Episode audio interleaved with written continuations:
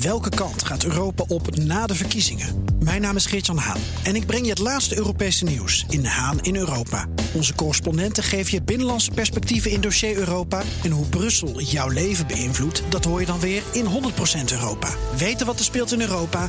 Luister naar de programma's van BNR.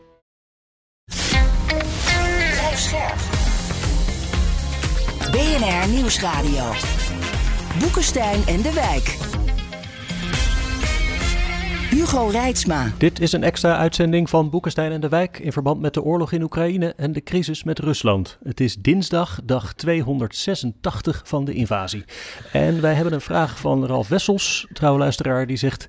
Heren, is het gebrek aan een gezamenlijk Europees buitenlandbeleid en daarmee ook een gebrek aan geopolitiek denken niet het grootste gemis van de EU? Hoe ver staat het ermee om daar wel te komen? Nou, grote vraag. Nou, het is echt een, hele goede vraag hoor. Ja, Jan, wat vind jij? Ja. Nou, het is echt een hele goede vraag. Alleen je moet even. Kijk, laten we, laten we over de EU praten voor de Oekraïne-oorlog. En dan, die wereld die kennen we goed. Hmm. En toen was er heel, helemaal überhaupt geen gezamenlijk Europees buitenlands beleid. Er waren veto's. En het was ook duidelijk dat Duitsland en Frankrijk, toen ook Engeland nog bij waren, dat die alle drie soms ook op een hele andere lijn zaten. Ja. Nou, dat, was, dat leidde ertoe dat uh, mensen zoals Heldering bijvoorbeeld decennia geleden zeiden, die dat wordt nooit wat. Hè, want uh, ze, kunnen, ze hebben geen uh, Europese krijgsmacht, ze hebben geen Europese politie en ze hebben nationale veto's en de nazistaat zit in de weg. Hmm. Nou, dat is het oude verhaal. Het nieuwe verhaal is de Oekraïne-oorlog, dat toch echt heel veel dingen in beweging heeft gezet. Dat kan niet genoeg benadrukt worden. In de eerste plaats dat Duitsland veel meer geld is gaan stoppen in defensie. Uh, In de tweede plaats dat er dus ook echt EU-fondsen zijn voor uh, militaire wapens. En ga zo maar door. En, en gemeenschappelijke aankopen. Ten derde is dat heel veel mensen, veel meer mensen in Europa beseffen nu dat Europa kwetsbaar is. Mhm. Dat je niet altijd op Amerika kan vertrouwen, want ze hebben nog aan Trump hebben ze herinneringen. Uh, en dus met andere woorden, ik zou zeggen dat per saldo er veel meer Europa gekomen is. Dat maar, wel dan, ja. maar dan wel met een belangrijke caveat erbij. En dat is gewoon, moet echt gezegd worden. Het is gewoon echt zo dat Biden veel meer uitgeeft uh, aan wapens in Oekraïne dan wij. Eerlijk gezegd vind ik dat een schande, nog steeds. En, uh, en, maar dat is nog steeds waar. En in zekere zin is dat ook. Eigenlijk zou je kunnen zeggen dat Europa nog steeds een beetje leunt op Amerika. Ja, weet je, dat is, ik, weet niet of het helemaal klopt. Ik heb uh, laatst nieuwe berekeningen gezien. Uh, we geven ongeveer hetzelfde uit aan Oekraïne. Ja. Dat is oh ja. ongeveer 40 miljard. Oh. Nee, de, de Europese Unie iets minder dan de Amerikanen. De Amerikanen doen veel meer aan wapenleveranties, maar realiseer je welk bedrag de Europeanen stoppen in de opvang van vluchtelingen. Als je die meeneemt, ja, ja, dan kom je op, uh, op min of meer vergelijkbare uh, bedragen ah. uit. Maar ik, ik ben het eens hè, met de analyse die uh, Arend Jan maakte.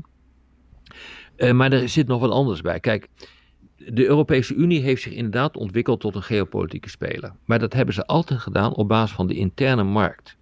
Dus hm. de toegang tot de interne markt, daarmee konden ze geopolitiek bedrijven. Ze konden bijvoorbeeld uh, verdragen afsluiten, waardoor zij concessies uh, afdwongen op het gebied van bijvoorbeeld ontbossing in de Amazone of mensenrechten. Dat kon allemaal. Ja. Uh, ze konden daarmee ook een gelijk speelveld proberen af te dwingen. Of ze konden ze, uh, met andere landen, of ze konden uh, proberen om, en dat lukt ook altijd, om dezelfde standaarden, bijvoorbeeld voor voedselveiligheid. Consumentenveiligheid, eh, om die eh, af te dwingen. Dat kon. Dat is ook een vorm van geopolitiek eh, bedrijven, dus econo economische politiek bedrijven. Wat de Europese Unie gewoon niet kan, en dat is niet de zaak van de Europese Unie, maar eigenlijk ook van de lidstaten, dat is je militaire en je economische middelen offensief gebruiken. En in de huidige tijd moet je dat doen. Dat is een andere manier van geopolitiek bedrijven. En dat heeft gewoon te maken met het van, zetten van druk op andere landen, landen met offensieve middelen. Dat hebben we nooit gedaan. Want wij hebben altijd mhm. veiligheid gezien in die Europese Unie. In termen van humanitaire veiligheid. Vandaar dus dat wij grossierden in, in vredesoperaties. Dat was allemaal bedoeld om groepen mensen eh, te uh, beschermen. En nu ineens moeten we onze belangen beschermen. Dat hebben we nooit gedaan. Vandaar ook dat wij onze krijgsmacht hebben gewaar, verwaarloosd. Eigenlijk in heel Europa, niet alleen maar in Nederland, maar in heel Europa. En dat moet nu allemaal veranderen. En je Mhm. ziet dus nu dat er een, een hele beweging begint te komen. En dat is zeg maar het, eh, grote, de grote waarde, voor zover je dat eh, mag zeggen, van deze oorlog. Dat, dat die omslag nu wordt gemaakt in, in Europa. Dus met sancties, economische oorlogsvoering, hoe je dat moet doen. Er worden enorme fouten meegemaakt, eh, moet Hm. ik onmiddellijk bekennen. Er wordt geïnvesteerd in defensie. En je ziet dus nu dat dat offensieve, die offensieve toepassing van die machtsinstrumenten die je hebt, en je hebt er maar twee, economie en militair. Hm. eh, de- daar begint men nu achter te komen hoe belangrijk dat is en dat je dat dus niet meer kunt verwaarlozen. Eh, De denken staat dus niet stil, zoveel is duidelijk. Maar als je het nou probeert heel concreet te maken. Hè? Eh, één Ruslandbeleid waar zowel Frankrijk als Polen het mee eens zijn. Zien jullie dat voor je? Nou ja, het is. Het, nou ja, uiteindelijk wel. Kijk, eh, wat er op dit ogenblik eh, gebeurt, ook met die sancties, daar is ook niemand het over eens. Eh, en met die, eh, daar zit ook niemand op één lijn. Dat, dat, dat, dat geldt ook voor die hele discussie waar we het gisteren over hadden. Over die, die price cap voor, eh, voor olie. Eh, daar is ongehoord gebakkelei over. Maar dat is ook hoe het werkt binnen de Europese Unie. Het is ook een democratisch proces. Hm. Eh, Dus het is een enorm gebakkelei om tot iets te komen. Wij zijn altijd geneigd om te kijken naar gebakkelei. Maar andere landen, zoals de Chinezen en de, en de Russen, die zien dat gebakkelei. Maar die worden geconfronteerd met de resultaten daarvan. En die worden nu geconfronteerd Hm. met ongehoorde eh, eh, maatregelen. Zoals een boycott op de import eh, van gas of, een of de import van olie.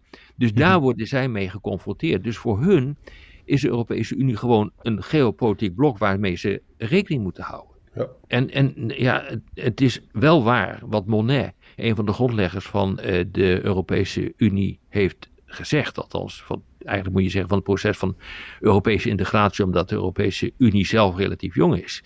Ja, die heeft na de Tweede Wereldoorlog al gezegd: de Europese integratie, de Europese eenwording, die wordt voortgejaagd door crisis. Nou, dat Mhm. is precies wat je hier ook zegt. Ja. En dat leidt tot vooruitgang, maar de vraag is misschien of dat snel genoeg gaat. Want het duurt natuurlijk jaren het. voordat je de krijgsmacht hebt opgebouwd of tot Nou één ja, beleid dat is komt. gewoon een groot probleem. Maar tegelijkertijd moet je constateren dat het leerproces met betrekking tot sancties wel heel hard gaat. Ja. En, En- even, en- na- en- even sorry, terug naar je, eh, naar je vraag, eh, Hugo. Kijk, Polen is ontzettend bang voor Rusland. Hè? Baltische staten ook. Mhm. Frankrijk speelt traditioneel ook de Russische kaart omdat ze willen balanceren met Amerika. Mhm. Dat wordt nu lastiger. Eh, maar Frankrijk heeft ook een belang erbij dat, dat, eh, dat eh, Rusland wordt ingedamd. Ja. Dus, dat, dus het, dat moet, het moet ook oplosbaar zijn, zou je denken. Hm. Ik ben eigenlijk ik ben toch wat optimistischer over de kansen dat Europa meer gaat integreren. Nou Het ja, blijft, dat, dat ja. denk, ben ik met je eens. Ik, Ja. Dat denk ik dus ook. Hè, in dat eh, laatste boek wat ik heb geschreven, waar net een update van, eh, van gekomen is, van de Slag om Europa, is dat mijn conclusie ook. Maar in de, het laatste hoofdstuk heb ik gezet, er is maar één grote bedreiging voor Europa en dat is, in, dat is de interne stabiliteit.